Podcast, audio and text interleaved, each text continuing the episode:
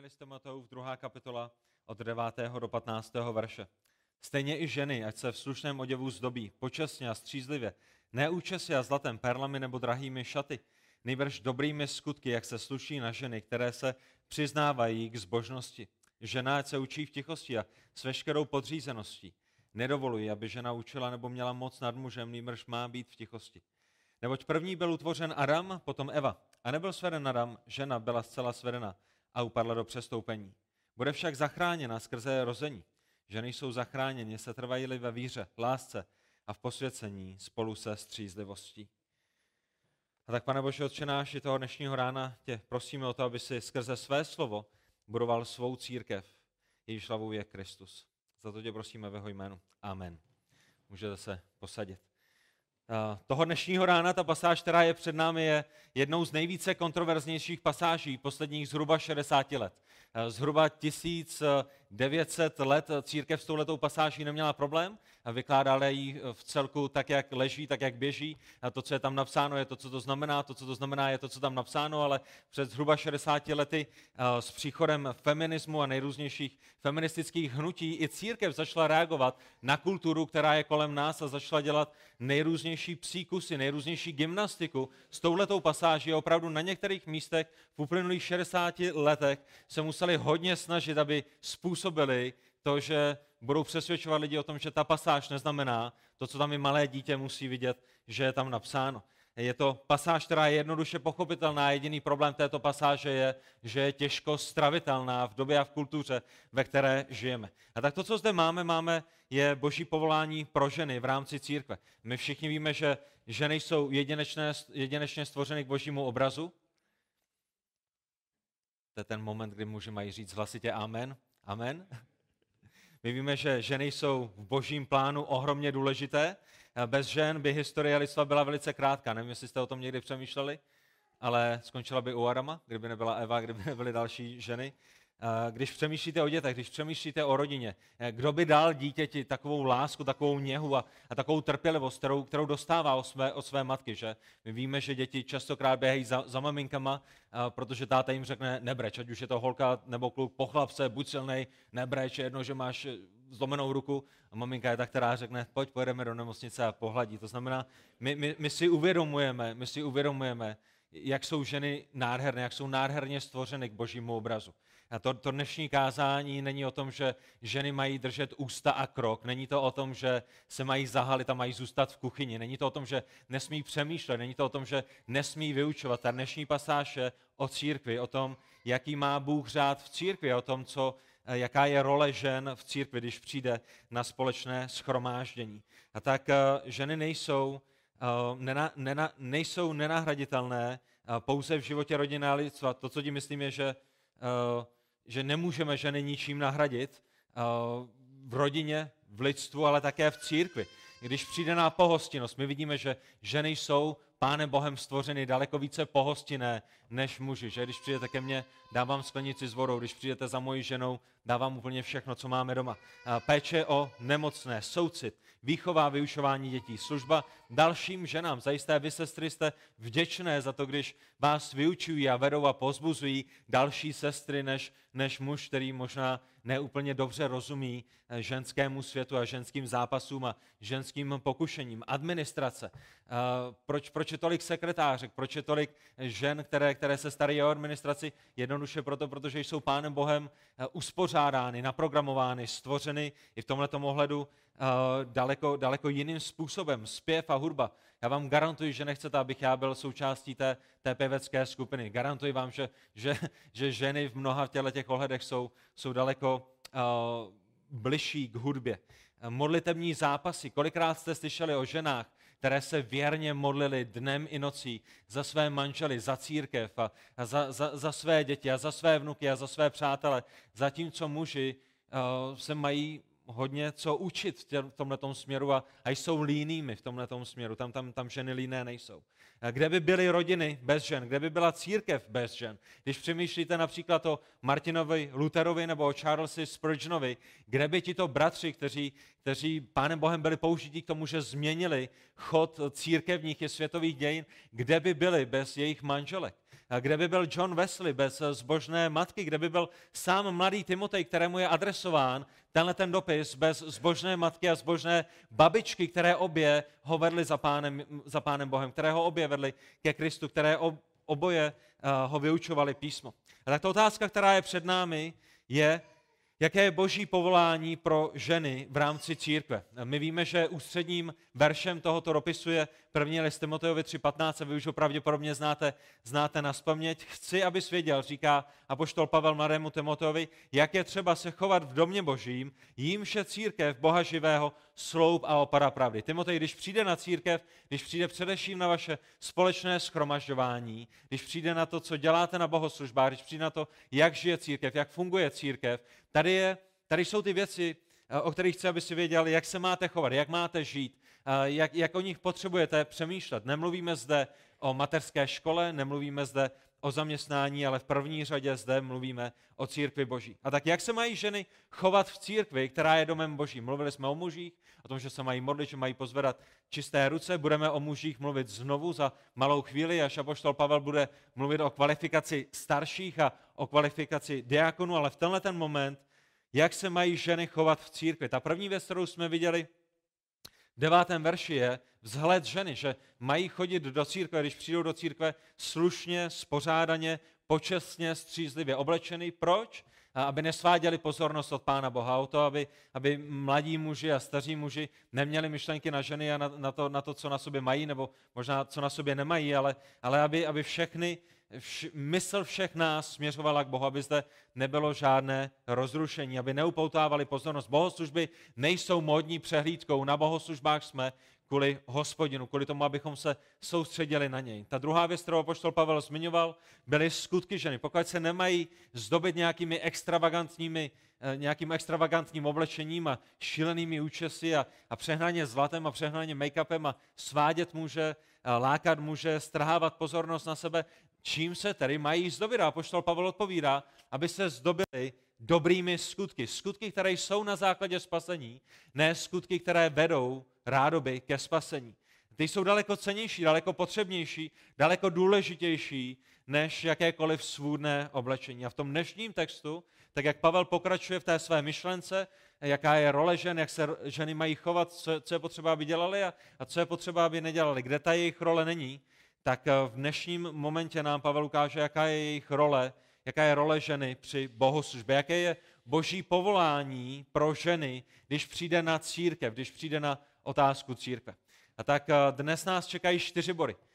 Ty poslední dva budou opravdu jenom letem světem, budou velice krátké, ale, ale tím, kvůli, kvůli tomu, v jaké době žijeme a kvůli tomu, s jakými útoky přichází ať už svět, nebo, nebo dokonce samotní lidé, kteří, kteří se nazývají křesťany, na toto téma a na, na tu otázku toho, jestli ženy mohou vést církev, jestli ženy mohou být ve staršostvu, jestli ženy mohou kázat, tak my strávíme hodně času v těch prvních dvou bodech. A já věřím, že to jsou věci, kterým, kterým rozumíte, které vidíte, které, které chápete z písma. A na to, abyste je viděli jinak, opravdu byste museli jít na liberální školu. Pokud vemete písmo, pokud budete číst písmo, pokud zůstanete v písmu, pokud budete písmo vykládat písmem, tak nikdy nedojdete k jinému závěru, než ten, který bude dnes prezentován.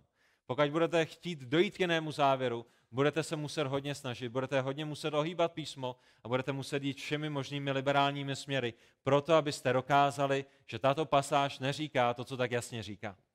A tak ta první věc, kterou apoštol Pavel zmiňuje mladému Timotovi, když přijde na tu otázku toho, jak je třeba, aby se ženy chovaly v domě božím, je, ať se žena učí. Ten první bod dnešního kázání, založený prostě jednoduše na verši 11, je žena, ať se učí. Pavel povolává ženy k tomu, aby se učili. Žena se učí v tichosti a s veškerou podřízeností. A je to příkaz, který zde před sebou máme, je to imperativ. Pavel klade důraz a přikazuje ženám, aby se učili. Ženy se mají učit, je to v pozitivním světle. A my jsme opět v kontextu církve, když se ženy sejdou na bohoslužbách a jsou vmíchané mezi muže a jsou zde muže a jsou zde ženy, i ženy se mají učit.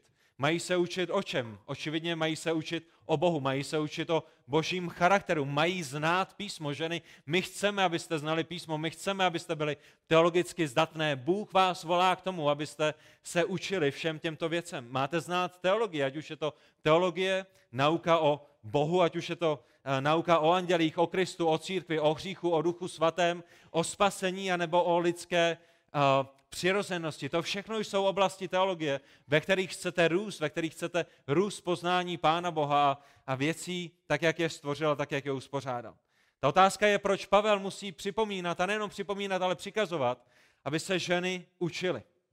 Proč to musí připomínat efeským, že se ženy mají učit? Proč?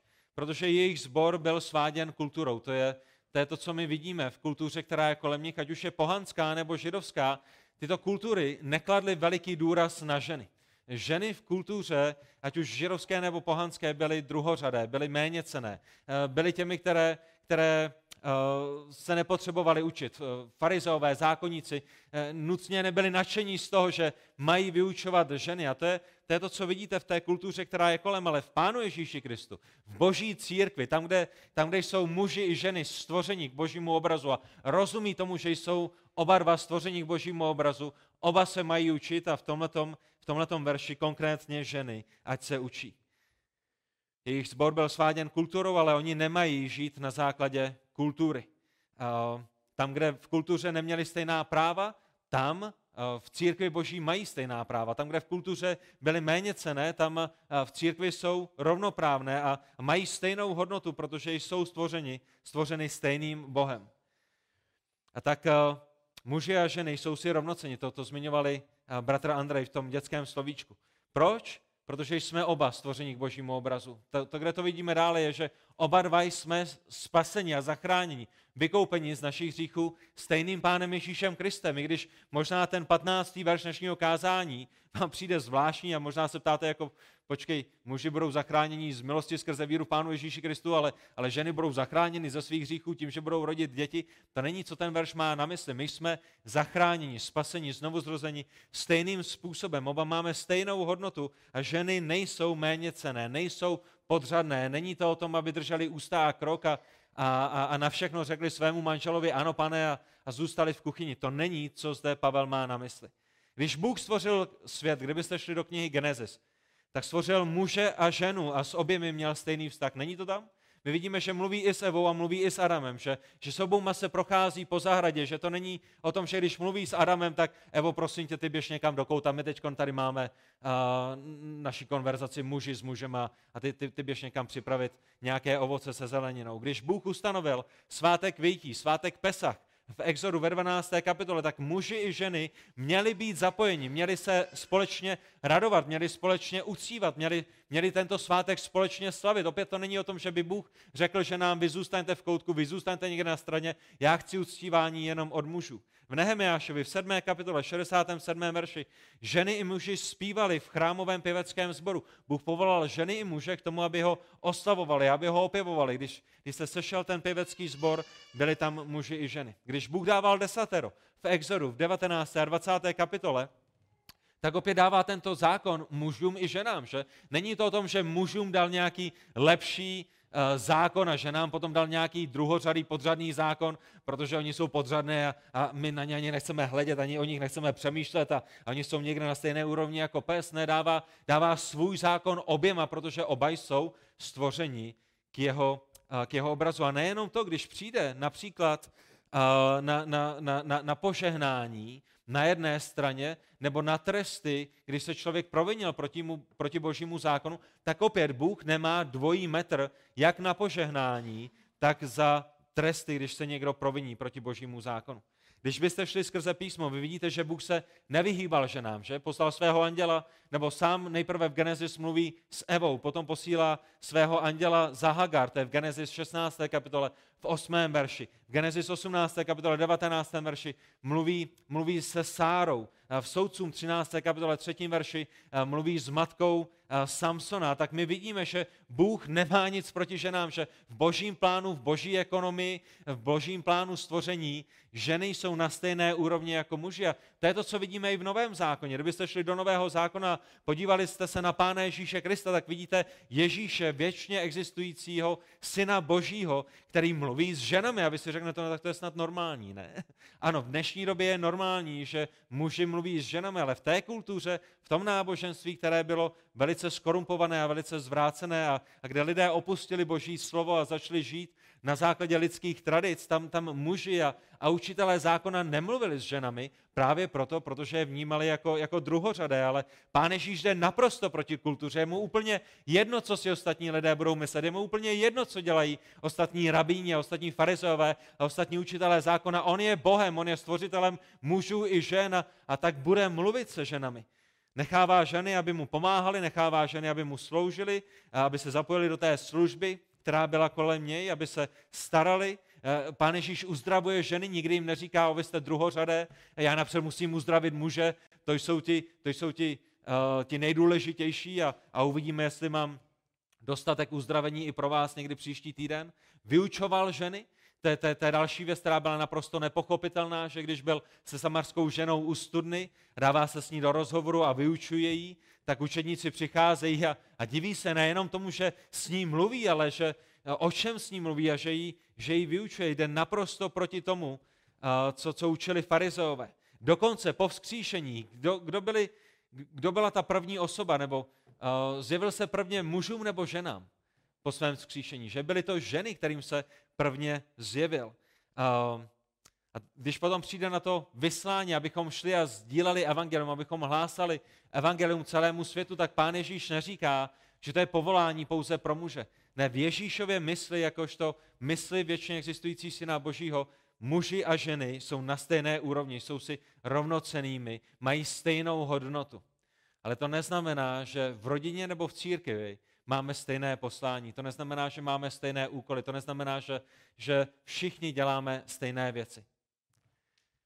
Tak Bůh miluje ženy, které stvořil stejně jako miluje i muže.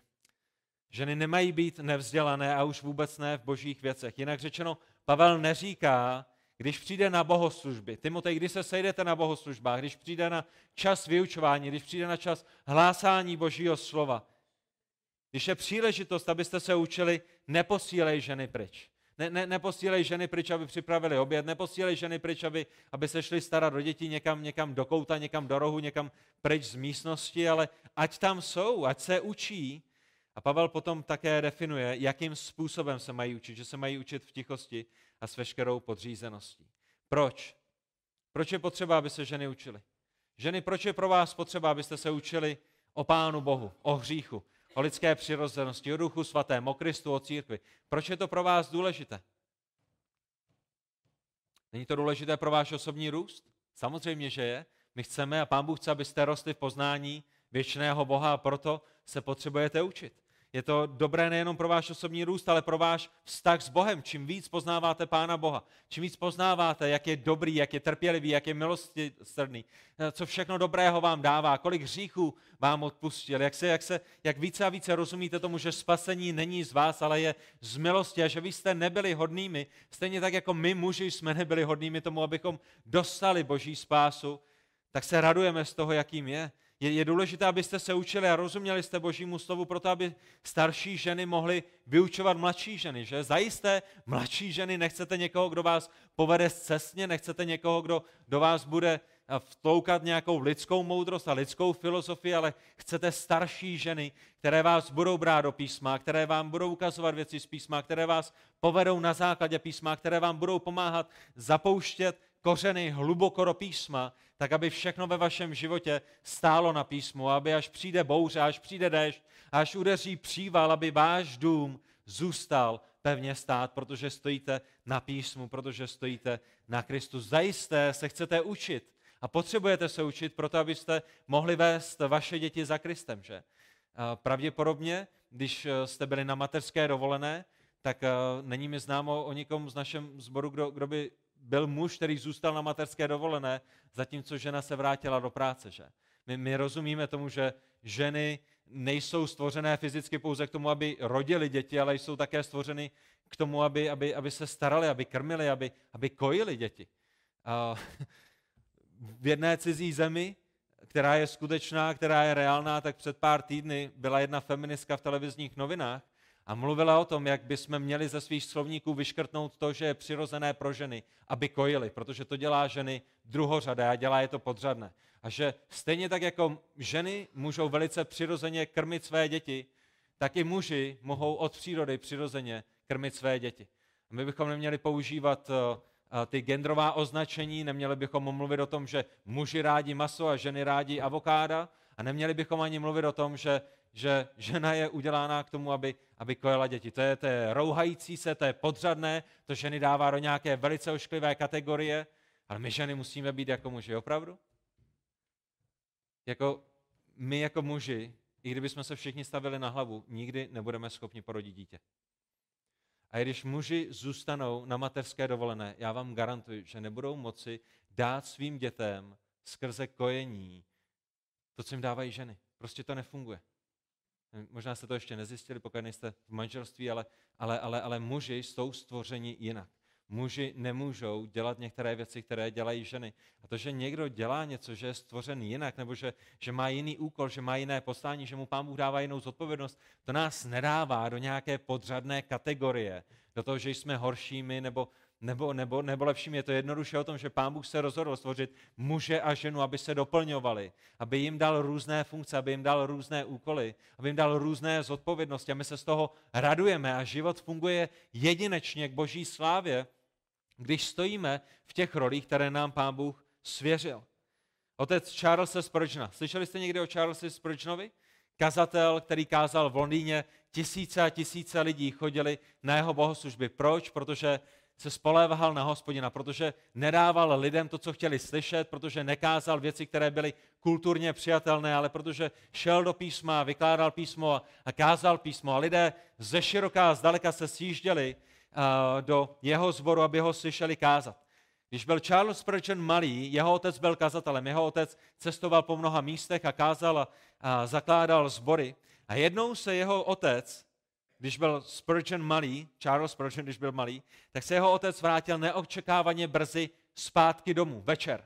A očekával, že děti budou v obýváku, že si budou hrát, že budou kolem běhat a, a že, že barák bude hlavou vzhůru, ale nikoho v obýváku nenašel a slyšel jemný hlas přicházející z druhého patra. Tak se vydal do druhého patra a to, co našel, byla jeho manželka, jeho zbožná, zbožná, zbožná, zbožná manželka, která měla všechny jeho děti, jejich děti kolem sebe a viděl, jak se modlí za každého jednoho z nich a viděl, jak je vyučuje písmo.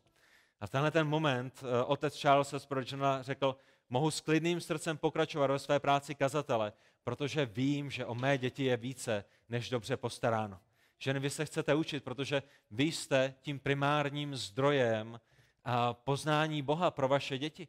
V těch, v těch prvních letech života jste to vy, které s nimi budou trávit nejvíce času. To je proč my jako muži potřebujeme investovat do našich žen. To je proč my jako muži chceme vyučovat naše ženy, pozbuzovat naše ženy, posílat naše ženy na to, aby byly na, na, na, na skupině se ženami, posílat naše ženy na konference, starat se o ně, cítit je božím slovem, my sami v první řadě jako pastýři a kněží, že to je to nejlepší pro ně a v důsledku je to to nejlepší pro naší rodinu, ale to, co je nejvíce nejdůležitější, je, že to je to nejlepší k boží slávě, když všichni společně rosteme v poznání našeho Boha. A všimněte si, že Pavel dodává v tom 11. verši, žena ať se učí v tichosti a s veškerou podřízeností. A ten důvod, proč Pavel musí kvalifikovat to, jakým způsobem se žena má učit, to, jakým způsobem žena má přijímat informace, je, protože v efeském sboru se to tak nedělo, protože tenhle ten postoj ženy, které v tomto sboru byly, neměly. Proč jim Pavel musí říkat, jak se mají oblékat na bohoslužbu? No, protože některé z těch žen, které tam přicházely, přicházely velice svůdně, přicházely na bohoslužbu jak na modní přehlídku a Pavel jim říká, to není možné, my se chceme soustředit na Krista, chceme se soustředit na Boha. Proč jim musí říkat, že když se učí, že se mají učit v tichosti a s veškerou podřízeností? Jednoduše proto, protože to nedělali, protože chtěli být ve verení, protože chtěli být hlasité, protože chtěli být viditelné, protože se chtěli stavit nad muže, ne jim být podřízeny. Myslíte si, že Boží slovo je aktuální v dnešní době? Mnohdy lidé přijdou a řeknou, oh, 2000 let stará kniha, ta není dnes aktuální. Bratr Lawson říká, jestli chcete číst něco aktuálního, čtěte Bibli, protože Bible je aktuálnější než zítřejší noviny. A věci, které církev a lidé a kultura řešili před dvěma tisíci lety, tak světe div se, řešíme i v dnešní době. A to je, proč jdeme do Božího slova, protože ty odpovědi jsou stále stejné, protože Bůh je stále stejný a je neměným Bohem. A tak to neznamená, že se ženy nemohou ptát. Když Pavel říká, ať se učí v tichosti a s veškerou podřízeností, tak Pavel neříká, ať drží ústa a krok. Pavel neříká, že se nesmí ptát. Pavel neříká, že mají sedět někde vzadu, v rohu a, a, a ani se nepodívat na muže. To vůbec ne. Ale jednoduše ten postoj srdce. Uvědomit si, jaká je jejich role. Že, že, že mají být tiché, že se mají podřídit. To je, o čem Pavel mluví. Tak si všimněte, že zatímco v 11. verši my vidíme, žena ať se učí, Pavel také dodává, žena ať neučí. To je druhý bod dnešního kázání. Ve 12. verši Pavel pokračuje, nenechá nás pouze u toho, že žena se má učit, ale pokračuje dál a říká, nedovoluji, aby žena učila nebo měla moc nad mužem. A tyto dvě věci jsou spojené, jsou propojené. Nýbrž má být v tichosti. My jsme tu tichost viděli v 11. verši vidíme ji opět. Vidíme, že ve 12. verši nemá mít moc nad mužem a v 11. verši jsme viděli, že má jednat s veškerou podřízeností a zatímco se učí a přijímá, tak na druhé straně nemá učit. A v tenhle ten moment my možná zalapáme po podechu. Možná si řekneme, ajajaj, a poštol Pavel to opravdu řekl. Pavel, vedený duchem božím, zaznamenávající boží slovo, opravdu oznámil církvi boží, že nedovoluje, aby žena učila nebo měla moc nad mužem. To je skutečně, co tam napsal, to je skutečně to, co má na mysli a je to skutečně kontroverzní a naprosto protikulturní v dnešní době. Ale Pavel to napsal. Pavel je apoštolem Pána Ježíše Krista a Pavel je duchem, veden duchem Božím a Pavel zaznamenává slovo Boží. A v důsledku toto nejsou myšlenky apoštola Pavla, tohle jsou myšlenky Ducha Svatého. Tohle je boží řád. A Pavel mluví do kontextu církve, ne do kontextu mateřské školy. Máme zde učitelky, ať už v mateřské škole nebo v základní škole, možná na střední škole, na vysoké škole a kdybychom to nechali jenom u toho, že Pavel nedovoluje, aby žena učila, tak byste si možná řekli, šiš, musím dát výpověď zítra ve škole. Ne, to není, o čem Pavel mluví. Pavel říká, tady jak chci, abyste věděli, jak se máte chovat v církvi. Pokud jste učitelky, je to v pořádku, není to protibiblické. Pavel mluví o bohoslužbách, mluví o tom, kde, kdo má vést církev skrze vyučování. To je proč hned ta další pasáž, hned ty další myšlenky a poštala Pavla budou směřovat k tomu, kdo vede církev. Jaká je charakteristika starších, vedoucích církve, kdo, kdo může kázat. A v Efezu byly ženy, které usilovaly o to, aby učili církev, o to, aby byly vedoucími, aby byly staršími v církvi, o to, aby by měli vůdčí autoritu nad mužem a Pavel jednoduše, prostě, srozumitelně říká, že v takovém kontextu to není možné. Není to dovoleno. V církvi není dovoleno, aby ženy vedly, aby ženy byly staršími, aby ženy kázaly. Není to dovoleno. Všimněte si, že Pavel neříká, já to nedoporučuji. Pavel říká, není to dovoleno. To jsou dvě odlišné věci. Ta další věc, která je s tím spojená, je, že je to naprosto bez výjimky. Všimli jste si toho? Někdy je dobré se ptát nejenom, co Boží slovo říká, ale co také Boží slovo neříká. Když přijde na muže a na ženy, když vám mužům Boží slovo říká, milujte své ženy, jako Kristus miloval církev, je to bez výjimky, že? Boží slovo neříká, milujte jako, jako Kristus miloval církev, jenom když vám dobře uvaří, jenom když jsou na vás hodné, jenom když vám dojdou vyvenčit pejska, jenom když uh, vás mají rádi a přijdete z práce a oni vás políbí. Ne, ať už se k vám vaše manželky chovají jakoliv, ať už mají jakékoliv říky, ať už, ať už jsou na vás jakékoliv, Vy je máte vždycky milovat, jako Kristus miloval církev. Není tam dána žádná výjimka. Nikdo nemůže přijít s tím, ale já ji dneska nemusím milovat, já bych ji dneska neměl milovat.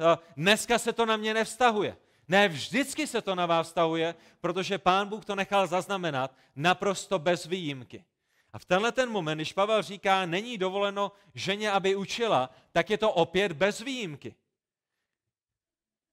Nikdo nemůže přijít s tím a říct, dobře, ale když nemáme dostatek bratří ve sboru, kteří by byli staršími, potom je to v pořádku. Ne, není. A poštol Pavel nedává výjimku. Co když se mužům nebude chtít učit? Co když muži nebudou chtít vést církev? Potom je v pořádku povolat ženy? Ne, není. A poštol Pavel nedává výjimku. Co když, co, když, co když bude žena, jejíž manžel je kazatelem a, a kazatel bude sedět v první řadě a tím pádem ona jako jeho manželka bude kázat pod autoritou svého muže? Vy jste tam někde četli, že je v pořádku, když kazatel sedí v první řadě a ona káže pod jeho autoritou? Ne, Pavel říká, nedovoluji, aby žena vyučovala. Tečka. Konec odstavce, konec kapitoly, případ uzavřen. Pavel dokonce ani neříká, když feministicky orientovaná kultura vás začne utiskovat, potom je v pořádku, abyste jako církev změnili řád, který Pán Ježíš Kristus dal církvi, a proto, abyste se zalíbili kultuře, proto, aby vám kultura tleskala, proto, aby lidé, kteří jsou kolem vás, s vámi nepohrdali, potom je v pořádku přizpůsobit církev kultuře. Je to naprosto bez výjimky. A tak si někdo možná řekne, ale Ježíš nikdy nemluvil o tom, že ženy nesmí učit. A možná jste se setkali s takovým argumentem. Počkej, počkej, počkej. Pán Ježíš nikde nez, nezmínil to, že ženy nesmí učit. Pán Ježíš nikde nezmínil to, že žena nesmí mít autoritu nad mužem, že žena nesmí kázat a Ježíš nikde nezmínil, že žena nesmí být starší v církvi. Je to tak, nebo to tak není? A to odpověď je ano i ne. Ano, máte pravdu, ale na druhé straně ne, nemáte pravdu. Ano, Ježíš o tom nemluvil. Proč o tom nemluvil? Protože ještě neustanovil církev. Ještě nebyla církev. Církev je ustanovená po tom, co Pán Ježíš je vzat zpět do nebe, po tom, co sesílá Ducha Svatého, potom je ustanovená církev. Pán Ježíš o těchto věcech nemluvil, protože jednoduše nebyla ustanovená církev, ale na druhé straně Pán Ježíš o tom mluvil velice hlasitě, Například v tomto textu, který je velice klíčový pro tu otázku žen, kazatelek, žen starších, toho, jestli žena může učit při bohoslužbách nebo může vést církev. Jak to víme, že Ježíš mluvil velice hlasitě? Protože nám dává své slovo skrze svého apoštola, apoštola Pavla. A když mluví apoštol Pavel, tak mluví Kristus. Pavel nepíše na, za, na začátku první Timoteovi, Pavel, tvůj otec ve víře, který ti jde nyní napsat nějaká doporučení. Tady jsou některé věci, o kterých si myslím, že byste je tak mohli dělat. A když je tak dělat nebudete, no tak se svět nezboří. Ne. Pavel začíná svůj dopis s tím, že říká Pavel, apoštol Krista Ježíše podle příkazu Boha, našeho zachránce. Timotej, ty věci, které nyní uslyšíš, jsou věci, které přikazuje Bůh. Tak Ježíš mluvil skrze Pavla, Ježíš velice hlasitě za svého života mluvil skrze to, že si vybral 12 apoštolů, které vyslal, aby kázali, které vyslal, aby zakládali sbory. A pokud pán Ježíš chtěl vyslat velice jasný signál a velice jasnou hlasitou zprávu, nejenom o tom, že ženy jsou rovnocené, a on tu zprávu vyslal v tom, že ženy jsou rovnocené, když je učil, když je uzdravoval, když s nimi mluvil, když s nimi byl, když se jich neštítil, tak mohl stejně jasně vyslat hlasitou zprávu tím, že si vybral jedenáct mužů a jednu ženu. A nebo že si vybral deset mužů a dvě ženy. A nebo že to udělal šest na šest. Nebo, nebo že si vybral jednou muže a, a jedenáct žen. Pán Ježíš měl tu příležitost nám velice jasně ukázat, jaký je jeho plán ale on promluvil velice jasně v tom, že si vybral 12 mužů. Proč? Protože je to úkol mužů vést, protože je to úkol mužů kázat, protože je to úkol mužů být hlavou rodiny a, a být ve vedení církve. A opět to nemá nic společného s tím, že ženy jsou utiskované nebo méně cené.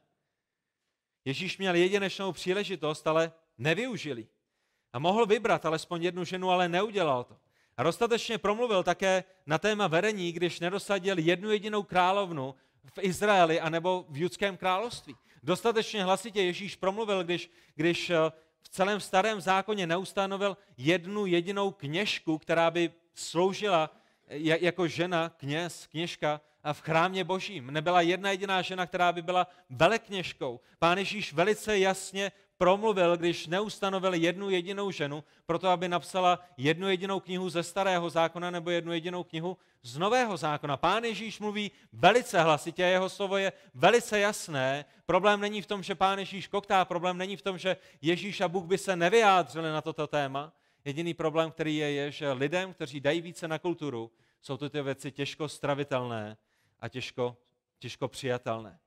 A někdo možná namídne, co ohledně Miriam ve starém zákoně, která je nazvaná prorokyní, protože měla jednu prorockou píseň. Co ohledně Debory, která je ve starém zákoně. Co ohledně Chuldy v 2. královské 22. kapitole 14. verši. Ano, ve starém zákoně si pán Bůh používá některé ženy. Ano, o některých z nich je řečeno, že byly prorokyně, ale přátelé, opět nejsme v kontextu církve, opět nejsme v kontextu nového zákona, opět nejsme v tom novém, co pán Ježíš stvořil skrze seslání Ducha Božího, a nejsme v tom, co on říká, eh, nebo v těch věcech, o kterých on říká tady, jak má církev žít. To znamená, ano, ve starém zákoně jsou ženy a jsou použity jedinečným způsobem, některé z nich prorokovaly, ale co to má co společného s otázkou církve?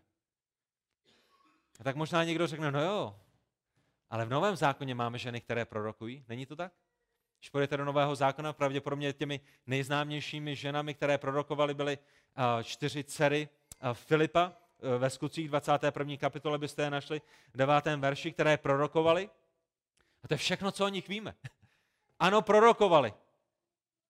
Jednou, možná víckrát, ale nebyli staršími zboru, nebyli kazatelkami v církvi.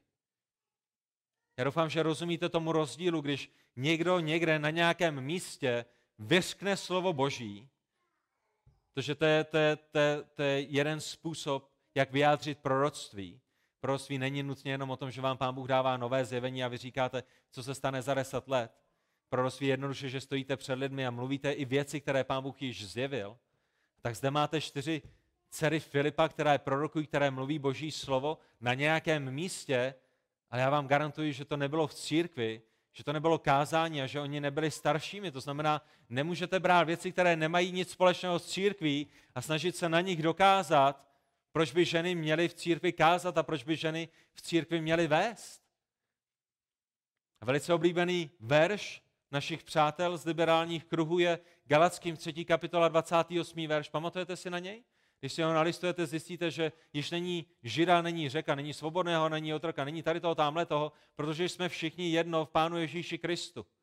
A vy se podívejte do toho kontextu listu Galackým do 3. kapitoly 28. verše a vy mi řekněte, Jestli v listu Galackým 3. kapitole Apoštol Pavel mluví o tom, kdo může víc církev, anebo mluví o tom, jak jsme zachráněni. Ta pasáž má všechno, co dočinění s tím, jak jsme zachráněni a že v Kristu mezi námi není rozdíl, protože Kristus zachraňuje všechny a ta pasáž ale na druhé straně nemá vůbec nic dočinění s tím, kdo je schopen, kdo je kvalifikován, kdo je Bohem povolán k tomu, aby vedl církev anebo vyučoval v církvi. Rozumíte tomu?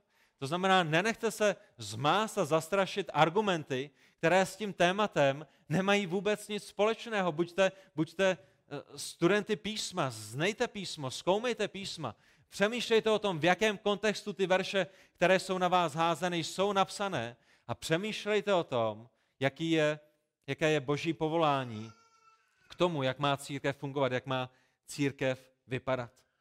A tak Pavel říká, že ta žena nebo ženy mají být v tichosti. A očividně, když říká, že ženy mají být v tichosti, tak eh, Bůh nám očividně v prvním listu Timoteovi nezakazuje, nezakazuje ženám, aby se modlili, že? Rozumíte mi, když tam čtete, že ženy mají být v tichosti, tak Bůh neříká ženám na bohoslužbách, že se nemají modlit. Jak to víme, že se ženy na bohoslužbách mohou, mohou, mohou modlit? Protože v prvním listu korinským Pavel říká, když se ženy modlí, tak tady jak se mají modlit. A to znamená, když zde Pavel píše, nejbrž mají být v tichosti, není to o tom, že ženy se nesmí modlit ve schromáždění. Není to o tom, že ženy nesmí zpívat písně ve schromáždění. Není to o tom, že ženy po bohoslužbách nemohou mluvit s bratřími nebo se sestrami. Není to o tom, že nemohou vyučovat další ženy. Není to o tom, že nemohou vyučovat děti. Je to kontext církve, společného schromážení, kdy se sejdeme na bohoslužby, tady jak ty věci mají vypadat. A ta otázka toho, kdo může být ve vedení církve, nám bude řečena v těch dalších verších, které tam máte. Muž jedné ženy, to je jedna z kvalifikací těch, kteří mohou vejít církev. A přátelé, den, kdy žena bude mužem jedné ženy. Den, kdy my budeme moci říct, že žena je mužem jedné ženy, bude den, kdy ženy mohou vést církev. A bude den, kdy žena může kázat církev. Ale pokud žijeme v božím vesmíru, pokud jsme součástí Kristovy církve, kterou on vykoupil, potom jednáme na základě jeho nařízení a jeho nařízení jsou jasná. Nejsou diskriminační, nejsou o tom, že někým po, opovrhují, ale o tom, že jsme stvořeni různým způsobem, že máme různé role, že se navzájem doplňujeme a že tímto způsobem žijeme k slávě Boží. Za třetí, to, co Pavel zmiňuje ve 13. verši, je důvod, je eh, odůvodnění těchto věcí, které máme před sebou. Všimněte si, že ve 13. verši Pavel dává důvod tomu, proč nedovoluje ženám, aby učili v církvi, aby vedli církev, aby byli staršími, aby byli kazatelkami. Co je tím důvodem? Neboť první byl utvořen Adam, potom Eva. A všimněte si, tohle je velice důležité a velice klíčové. Tím důvodem pro ty věci, které Pavel řekl v předchozím verši, je řád stvoření. Důvodem není kultura, důvodem nejsou osobní preference, důvodem není někoho názor, důvodem ani není, že ženy v prvním století byly nevzdělané. To vám taky někdo řekne, o, Pavel nedovoluje ženám, aby učili, protože v prvním století ženy byly nevzdělané. To s tím nemá vůbec nic společného. Ten jeden jediný důvod, nebo dva důvody, ten první, který máme před sebou, který Pavel dává je řád stvoření, pořádek při stvoření, neboť první byl utvořen Adam, potom Eva. Což znamená mimochodem, že toto omezení služby, které Pavel dává na ženy v rámci církve, v rámci společného schromáždění, je stejný v každé době, v každé kultuře, na každém místě. Kdyby Pavel dal kulturní důvod pro to, proč nedovoluje ženám učit a změnila se kultura, potom by ženy mohly učit. Pokud by to byla osobní preference a někdo jiný měl jinou preferenci, potom by ženy mohly učit a vést církev, ale Pavel dává jako důvod, řád stvoření. A řád stvoření je základem, který je stejný pro všechny kultury, pro všechny kontinenty, na jakémkoliv místě, pro jakoukoliv lidskou skupinu, na všech místech v celé historii lidstva. Řád stvoření nemá co dočinění s tím, že by žena byla druhořadá, méněcená nebo podřadná. A opět, tak jak už zmiňoval bratr Andreja, já jsem ho nenavedl, on to měl ze své vlastní, ze své vlastní hlavy. To, když my mluvíme o tom, že že jsme rovnocenými, ale máme různé role, tak tím nejlepším příkladem je Pán Ježíš Kristus. Není to tak? On je stejně Bohem jako Bůh Otec a přesto je podřízen Bohu Otci. Přesto na téhle zemi říká, nepřišel jsem dělat svou vůli, ale, ale naplňuji vůli mého Otce. Sám ze sebe nemohu dělat nic, ale dělám ty věci, které mi Bůh přikázal. Duch svatý, který je stejně Bohem jako Ježíš Kristus, jako Bůh Otec, přišel v podřízenosti Otci a Pánu Ježíši Kristu a, a dělá ty věci, ke kterým ho Bůh Otec a Pán Ježíš Kristus vyslali a, a neznamená to, že by byl pouze z 80% Bohem. Ne, všichni tři jsou dokonale a plně Bohem. Všichni tři jsou tím jedním jediným Bohem, kterého máme. A tak je to řád stvoření, který vychází z Genesis 2. kapitoly 18. verše. I řekl hospodin Bůh, není dobré, aby byl člověk samoten, učiní mu pomoc jako jeho protějšek. Muž vede a žena je jeho protějškem, který pomáhá. Je to žena, která následuje, která, která je pomocnicí. A je to velice skvostné, je to nádherné. Nevěřte lži, která je ve světě o tom, že být někoho pomocnicí, pomáhat svému manželovi, být mu oporou, následovat ho, že, že vám to bere radost ze života. Ten, kdo ví, jak život funguje nejlépe, je hospodin. On je ten jediný, kdo vás stvořil, on je ten jediný, kdo ví, jak život funguje nejlépe, jak jeho slávě. V listu Efeským v 5. kapitole 22. až 25. verši máme napsáno ženy. Podřizujte se svým mužům jako pánu, neboť muž je hlavou ženy. Proč je muž hlavou ženy? Protože ho Bůh stvořil jako hlavu ženy. Jako je Kristus hlavou církve, on je zachráncem těla. Ale jako církev je podřízená Kristu taky ženy ve všem svým mužům. muži, milujte své ženy, jako i Kristus miloval církev a sám sebe za ní vydal. My, když vedeme naše ženy, tak to neděláme diktátorsky, neděláme to nějakým brutálním, nechutným, sobeckým způsobem, ale vedeme je lásky plně, vedeme je s láskou sebeobětujícím se způsobem, tak jako Kristus vede církev. A tak máme jinou roli, máme jiné poslání. A vy si určitě pamatujete na ty příklady, které, které, které kazatelé rádi dávají. Pokud se, ráno, pokud se ve tři ráno zbudíte u vás doma, protože se vám někdo vloupal do baráku, pošlete vaši manželku, aby se šla podívat na to, na to, co se tam děje? Pravděpodobně ne, že? Pravděpodobně to budete vy jako muž, který vstane z postele bude se podívat na to, co se stalo. Proč? Protože i když jste nevěřícími, tak rozumíte tomu, že to je vaší zodpovědností, to je, to je, co je součástí vašeho DNA. Když pojedete po D1 a ve tři ráno uprostřed průtrže mračen a chumelenice a vánice a, a tornát a, a blesku a, a všeho možného vám píchne, vám píchne kolo, tak pravděpodobně řekne, neřeknete miláčku, prosím tě, Zlatíčko, Loro, Jano, a, Jarmilo, Vlaďko, běž ven a hele, nářadí tam je, vylož celý kufr a, a potom to zvedni a, a dej mi vědět, až skončíš. Ne, budete to vy, kteří se půjdou ušpinit, budete to vy, kteří budou měnit to kolo a, a nemusíte být ani věřícími. Proč? Protože to dává smysl, to jsou ty věci, jak nás Pán Bůh stvořil, to jsou ty věci, které On dává do našeho srdce. A tak Bůh mohl utvořit Adama a Evu v jeden moment. Mohl utvořit Adama a Evu v jeden moment, mohl napřed stvořit Evu, potom Adama, ale on to neudělal. Proč? Protože v řádu stvoření nám ukazuje, potom pro řád církve a ukazuje nám tam řád domácnosti a všechno to jde zpátky ke stvoření. My pamatujeme na to, že když Bůh stvořil Evu, že ji nestvořil z Adamovy hlavy, ale, ale z jeho boku. Nestvořil ji z hlavy proto, aby mu Eva nevládla.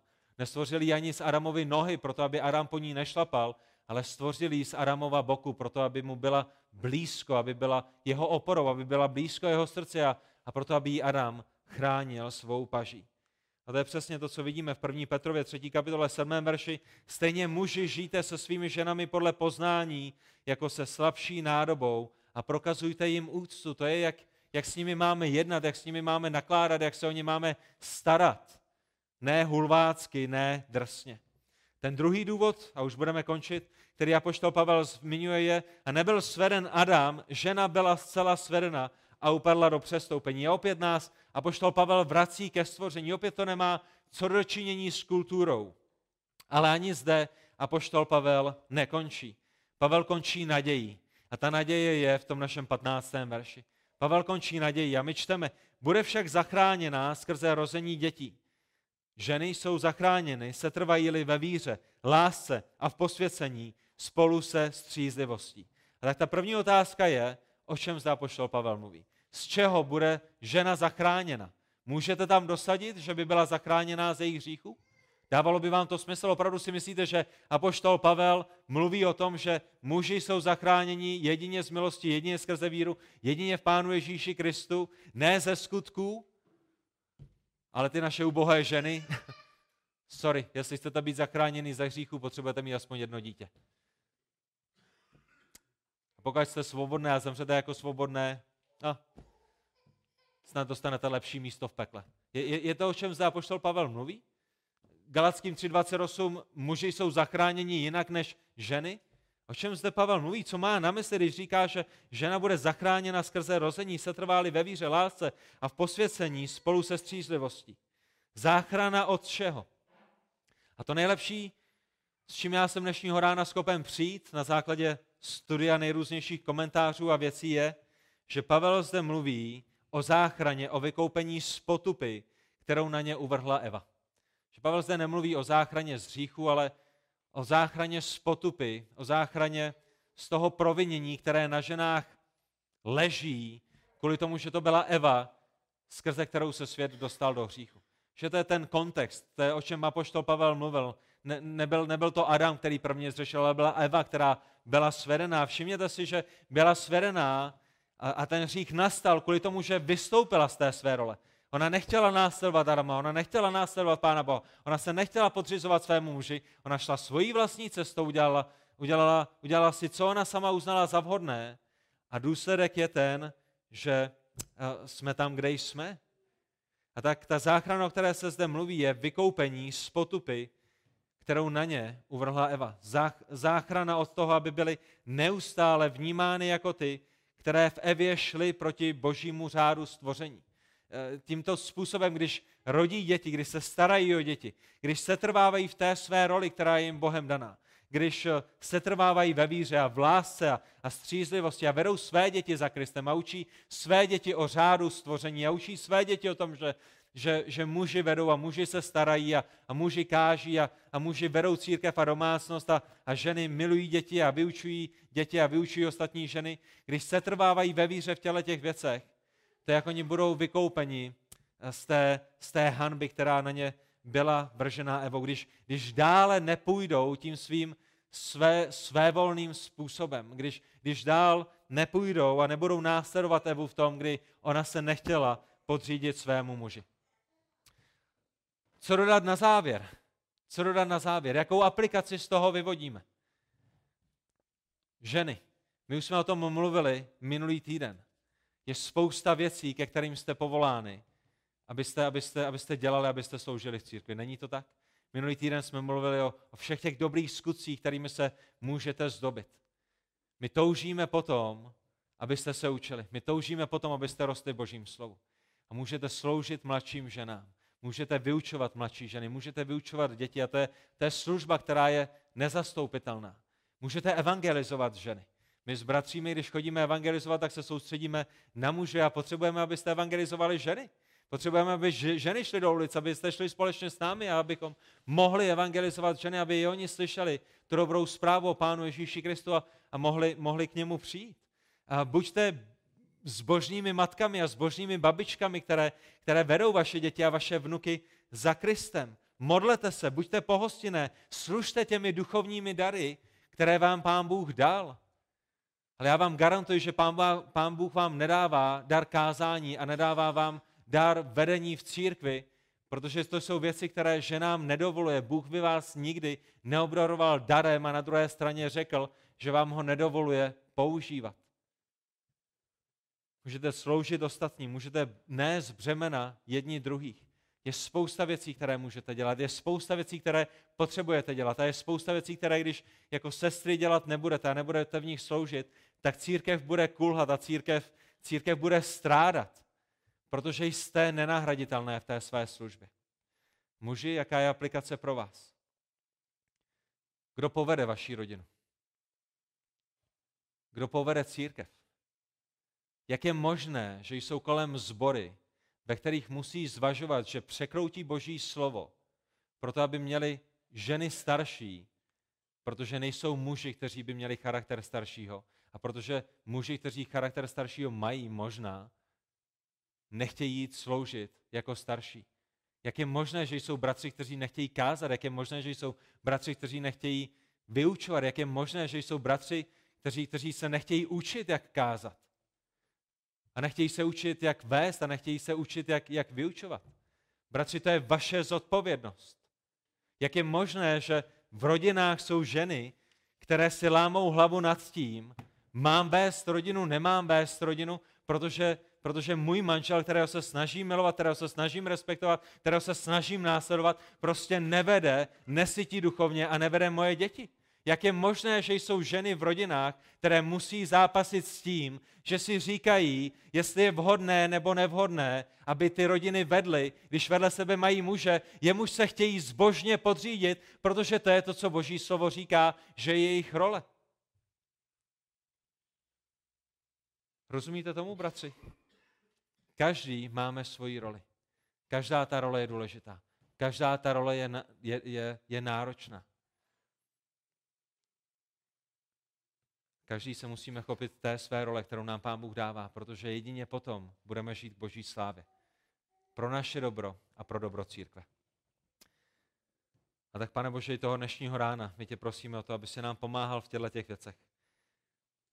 Děkujeme za to, jak nádherně jsi stvořil svět, děkujeme za to, jak nádherně jsi stvořil muže a ženu, jak nádherně jsi stvořil manželství, děkujeme za to, jak jsi rozložil roli, jak jsi rozložil úkoly, jak jsi rozložil poslání.